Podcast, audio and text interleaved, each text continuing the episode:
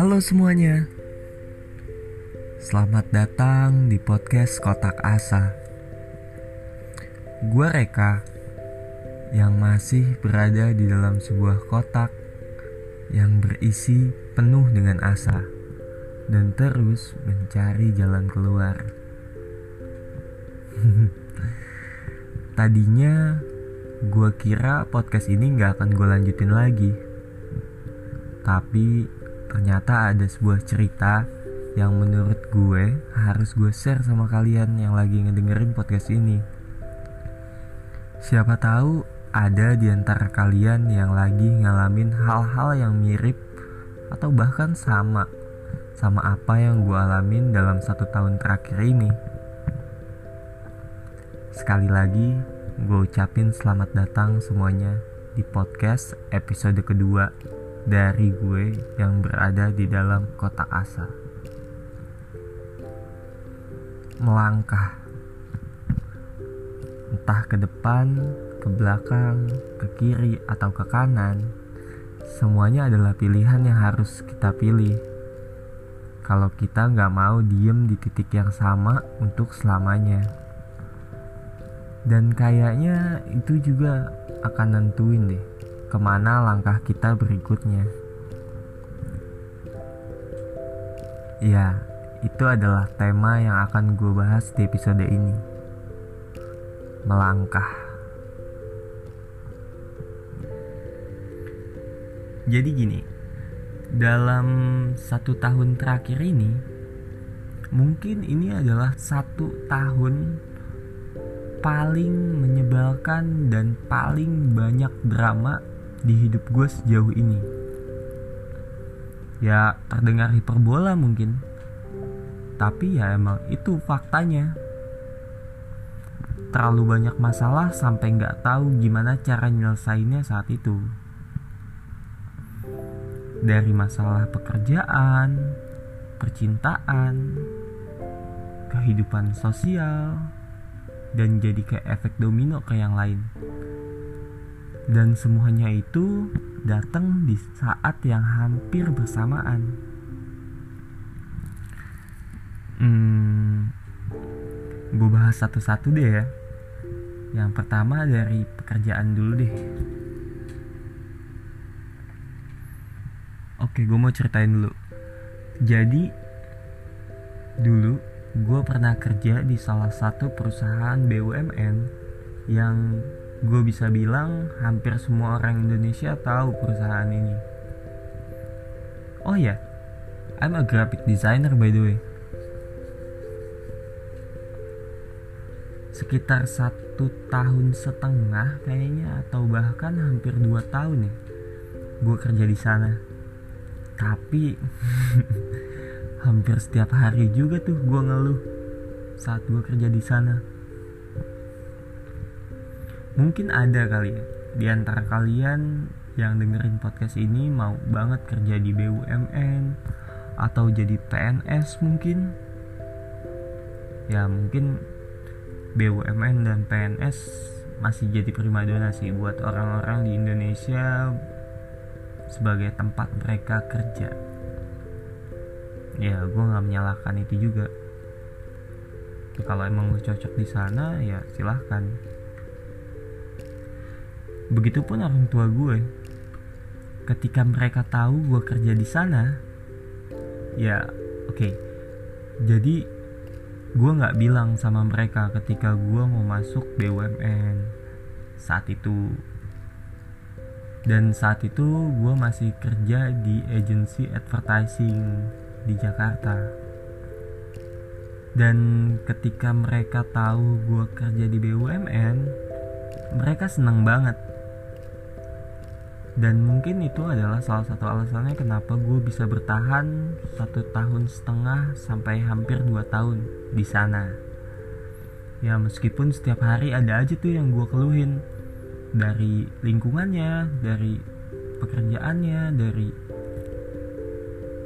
wah pokoknya banyak lah yang gue keluhin.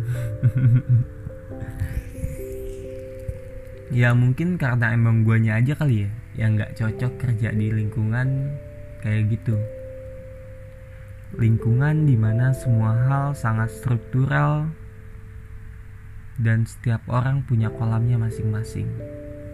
Atau ibaratnya gini, kayak ikan yang ada di akuarium yang ketutup. Ikan itu nggak akan bisa pergi ke mana-mana kan? Sebelum orang yang merawat ikan itu mindahin dia ke tempat yang lain.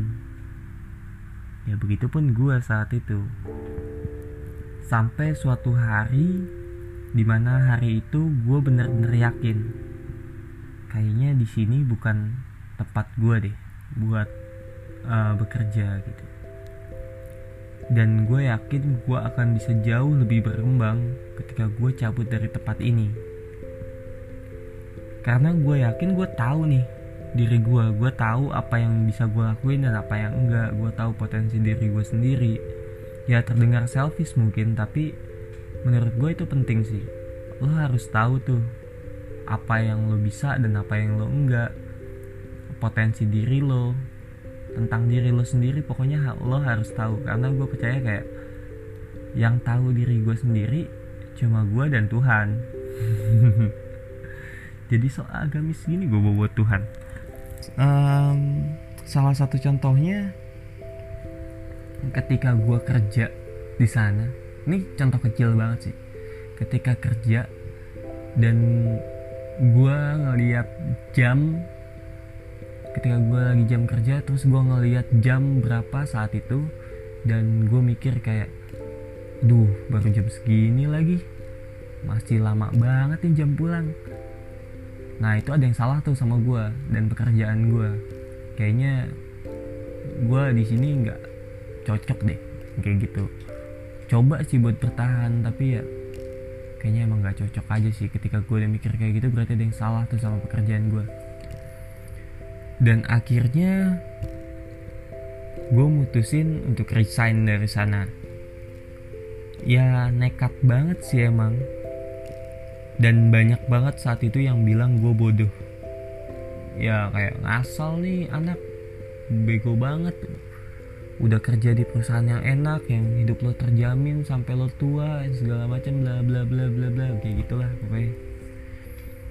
Ya karena gue keluar dari perusahaan yang mungkin kesempatan untuk kerja di sana kayak satu banding seribu ya atau mungkin lebih. Tapi ya gue yakin sama apa yang gue putusin saat itu sama apa yang gue putuskan saat itu. Kalau putusin kayak gak enak banget gitu ya. Gue mau nanya deh sama lo.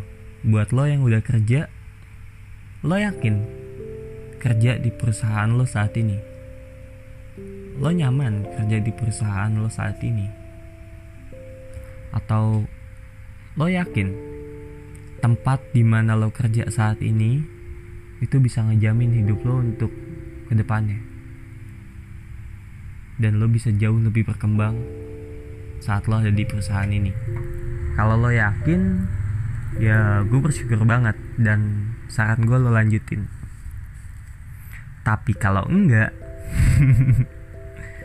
saran gue buka file CV lo dan coba lo edit itu pelan-pelan. Karena menurut gue waktu itu sebentar banget sih dan waktu nggak bisa diulang jadi jangan disia-siain sih waktu lo. Waktu itu teman gue yang bilang ke gue kayak gini kak kayaknya lo harus tahu deh siapa diri lo sendiri. Lo harus tahu potensi di diri lo sendiri. Itu akan bikin lo jadi jauh lebih baik dibanding saat ini. Dan teman gue bilang if you want to get more you must do more than now. Ya dan omongan itu masih keinget banget sampai hari ini sih. Dan akhirnya setelah berdrama dengan pikiran gue selama 2 tahun hampir 2 tahun gak 2 tahun juga sih. Akhirnya gue memutuskan untuk cabut dari BUMN dan gue pindah ke e-commerce saat itu. Salah satu e-commerce yang cukup terkenal juga di Jakarta. Dan setelah satu tahun sekarang gue bisa ngebuktiin tuh sama mereka semua yang bilang gue bego saat itu.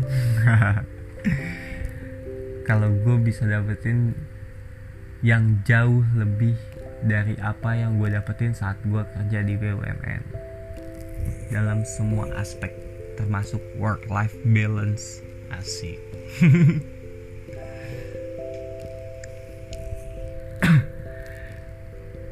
saran gue ketika lo udah tahu diri lo sendiri lo udah tahu kemampuan dan kekurangan lo jangan pernah takut cuy buat ambil keputusan. Nekat dikit mah nggak apa-apa kali ya. Yang penting lo yakin dan lo tahu konsekuensi dari pilihan yang lo ambil. Karena setiap pilihan itu ada konsekuensinya kan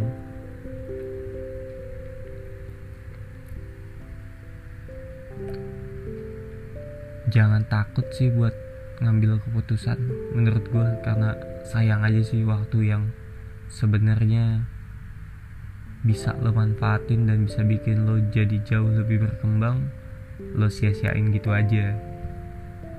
Karena gengsi doang. Gila. Oke next. Percintaan ya Sebenarnya gue agak malu sih buat menceritakan hal ini. Tapi gue yakin ada nih sobat-sobat bucin yang lagi dengerin podcast gue ini. Uh, untuk yang ini kayaknya gue mau mulai dari pertanyaan deh.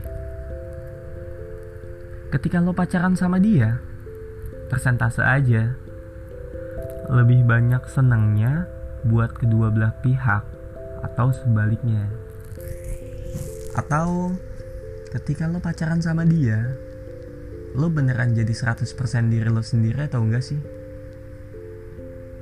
Gue nggak tahu tuh jawabannya cuma lo doang yang tahu kayaknya.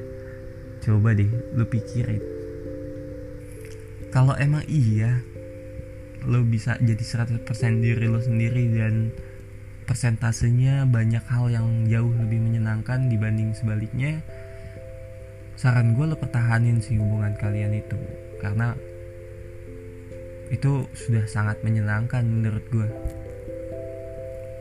tapi kalau enggak hah lo kayak gue dulu kayaknya. Dulu gue pernah ada di hubungan yang bisa dibilang menurut gue saat ini itu toxic relationship. Di mana setiap hari hampir setiap hari kerjaannya berantem mulu. Hal-hal kecil yang sebenarnya bisa diobrolin baik-baik jadi hal besar. Dan jadi nggak sehat hubungannya karena ini menyangkut ke banyak hal termasuk uh, lingkungan sekitar kita juga saat itu dan setelah beberapa waktu ya saat itu karena gue lagi ada masalah yang lain juga dan kita nggak nemuin solusi yang jauh lebih manusiawi untuk kita berdua mungkin. Akhirnya kita memutuskan untuk menyelesaikan hubungan kita. Karena menurut gue ketika uh, ada di toxic relationship itu nggak enak banget. Dan ketika gue pacaran bukan jadi diri gue 100% itu menyebalkan. Dan akhirnya menurut kita saat itu ya udah harus diselesaikan saja. Um, gini gue nggak menyuruh kalian untuk menyelesaikan masalah kalian dengan cara yang gue selesain gitu. Kayak ya udah gue putus sama pacar gue saat itu. Nggak gue nggak menyarankan hal itu sama sekali. Mungkin ketika lo ada di toxic relationship coba deh diobrolin. Apa sih yang lo suka? Apa sih yang dia suka? Apa sih yang lo nggak suka? Apa sih yang dia nggak suka?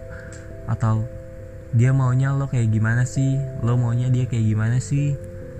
Supaya bisa jadi jauh lebih baik dibanding hari ini gitu. Um, tapi gue nggak menyesalkan. Gue udahan saat itu cia gitu um, karena sekarang gue bisa jadi 100% diri gue sendiri dan itu jauh lebih menyenangkan dibanding ketika gue harus berpura-pura jadi orang lain cuma buat nyenengin dia. Ya nggak ada salahnya buat nyenengin pasangan lo buat nyenengin pacar lo nggak ada salahnya sama sekali. Dan menurut gue itu harus. Ketika lo pacaran ketika lo menjalin sebuah hubungan lo harus membuat pasangan lo itu merasa senang ketika dia bersama lo. Ya gak tapi ketika caranya lo harus berpura-pura jadi orang lain ya mungkin dia nggak minta buat lo ber, berubah atau menjadi orang lain. Tapi ada keinginan di diri lo sendiri untuk berusaha buat jadi kayak bukan diri lo sendiri untuk bikin dia seneng coba diobrolin lagi deh. Oh ya uh, ini sebenarnya gue cerita dari perspektif gue ya. Uh, gue nggak tahu gimana sudut pandang dia tentang masalah ini dan kalau dia dengerin juga kayak ya udah biarin aja. Ini semua gue cerita berdasarkan apa yang gue rasain. Kayak gitu kedua masalah yang tadi gue ceritain tuh jadi kayak efek domino akhirnya. Karena saat itu gue nggak menyelesaikan masalahnya um, satu-satu mungkin. Kayak gue menyelesaikan masalah itu barengan di hari yang sama saat itu. Dan yang ada jadi malah makin berantakan. Gue mau ngambil shortcut untuk menyelesaikan masalah gue tapi di dalam waktu yang bersamaan dan itu jadi bumerang buat gue kayak nggak bisa ternyata masalah di selesaikan dalam waktu yang bersamaan. Dan itu malah jadi kayak efek domino ke yang lain. Mood gue berantakan terus akhirnya gue jadi ansos dan kehidupan sosial gue jadi terlupakan. Ya gitu. uh, buat lo yang belum tahu di profesi gue sebagai graphic designer menjaga hubungan baik sama semua orang itu penting banget. Karena gue nggak tahu nih gue akan dapat project dari siapa dan kapan. Jadi sebisa mungkin gue harus menjaga hubungan baik sama siapa pun. Atau tapi bukan gue nongkrong untuk cari kerjaan enggak. Maksudnya kayak ketika gue bermasalah sama kedua hal itu gue jadi lupa tuh sama lingkungan sosial gue banyak banget momen yang sebenarnya harusnya gue ada dan ngerasain momen itu sama teman-teman gue tapi gue nggak ada saat itu dan banyak banget yang miss jadinya. Gue nggak skip banyak hal kayak gitu. Dan itu menyebalkan sih menurut gue karena banyak hal yang harusnya bisa gue rasain tapi gue nggak bisa rasain saat itu karena gue ansos. Dan mungkin buat lo yang kenal sama gue lo tahu ya gue anaknya bacot gue anaknya ngoceh mulu gue anaknya doyan bercanda ngomongnya ngasal yang kayak gitu-gitu. Tapi sebenarnya banyak hal yang gak gue ceritain ke kalian. Banyak hal yang cuma gue simpen buat diri gue sendiri. Sampai akhirnya gue nyerah buat mendem semua itu sendiri dan gue coba ceritain ke temen gue ya mungkin dia nggak bisa ngasih solusi tapi seenggaknya menceritakan masalah lo ke orang lain itu akan bikin lo jadi jauh lebih tenang akan bikin lo jauh lebih lega gitu perasaan lo. Dan akhirnya lo bisa mikir gimana caranya solusi yang baik untuk menyelesaikan masalah lo. Jadi ketika lo punya masalah saran gue jangan pernah lo pendem masalah lo sendiri minimal lo ceritain lah entah sama temen lo entah sama kakak lo entah sama adik lo atau sama orang tua lo atau sama siapa pun itulah pokoknya lo ceritain. Siapa tahu mereka punya solusi atau siapa tahu mereka pernah ngalamin hal-hal yang pernah lo yang lagi lo alamin dan mereka bisa ngasih saran gimana caranya buat lo menyelesaikan masalah itu. Atau gini kalau emang lo nggak punya teman eh bukan nggak punya teman juga men maksudnya kalau lo emang nggak tahu mau cerita sama siapa lo bisa cerita sama gue lo bisa DM gue di Instagram @troublemanner uh, gue taruh juga kok di deskripsi bio podcast ini di atas. Gue taruh juga. Lo DM gue aja pasti gue ladenin pasti gue dengerin. Siapa tahu gue bisa ngasih saran buat masalah lo dan jadi solusi buat masalah lo dan gue akan senang banget sih ketika lo mau bercerita ke gue yang kayak gitu? Hmm, sama ini kali ya. Uh, ketika lo punya masalah dan masalah itu banyak datangnya secara bersamaan jangan pernah lo selesain masalah lo di waktu yang bersamaan. Itu akan bikin semuanya malah berantakan. Percaya deh gue pernah ngalamin hal itu dan gue nggak mau kayak gitu lagi. Selesain masalahnya satu-satu jangan semua masalah mau lo selesain barengan tapi selesain masalahnya satu-satu. Emang susah nyelesainnya. Gue nggak bisa mengeneralisasikan masalah lo. Kayak setiap orang punya masalahnya masing-masing dan setiap orang menyelesaikan masalahnya masing-masing dengan caranya masing-masing gitu. Nggak bisa digeneralisasi. Dan nggak apa-apa. Yang penting lo semangat aja. Pokoknya lo percaya kalau masalah lo itu pasti bisa selesai jangan menyerah sama keadaan lo saat ini gitu. Gue dulu anaknya penakut. Penakut banget. Ketika ada masalah gue lari. Terus terusan kayak gitu dari dulu. Sampai akhirnya ketika masalah itu datang semuanya gue panik sendiri. Karena itu ternyata jadi kayak bom waktu. Masalah itu akan meledak nggak tahu kapan dan bisa aja masalah itu meledak di saat yang bersamaan masalah-masalah itu meledak di saat yang bersamaan dan gila gue stres banget ketika hal itu kejadian. Sampai akhirnya teman gue yang bilang kenapa lo jadi penakut? Hadapin lah masalahnya. Masa lo mau lari? Sampai kapan? Dan akhirnya gue coba buat hadapin masalah-masalah gue dan akhirnya gue ngambil keputusan.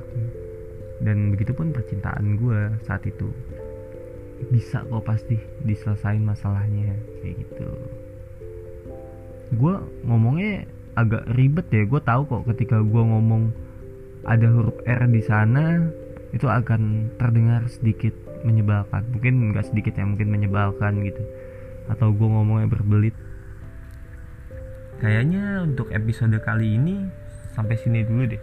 Buat lo yang mau bercerita jangan takut cerita aja ke gue kalau emang lo nggak tahu mau cerita sama siapa atau kalau ada yang mau ditanyain tentang podcast ini atau yang mau lo ceritain yang mungkin lo punya kejadian yang mirip-mirip sama gue yang sucks banget kantor lo entah bos lo menyebalkan entah lo bisa DM di Instagram gue Trouble Manner atau lo kalau punya saran karena gue sebenarnya buntu banget sama ide gue nggak tahu mau ngebahas apa lagi di episode selanjutnya jadi kalau lo punya saran please kasih tahu gue di DM Instagram gue tema apa yang akan gue bahas di episode selanjutnya. Asik.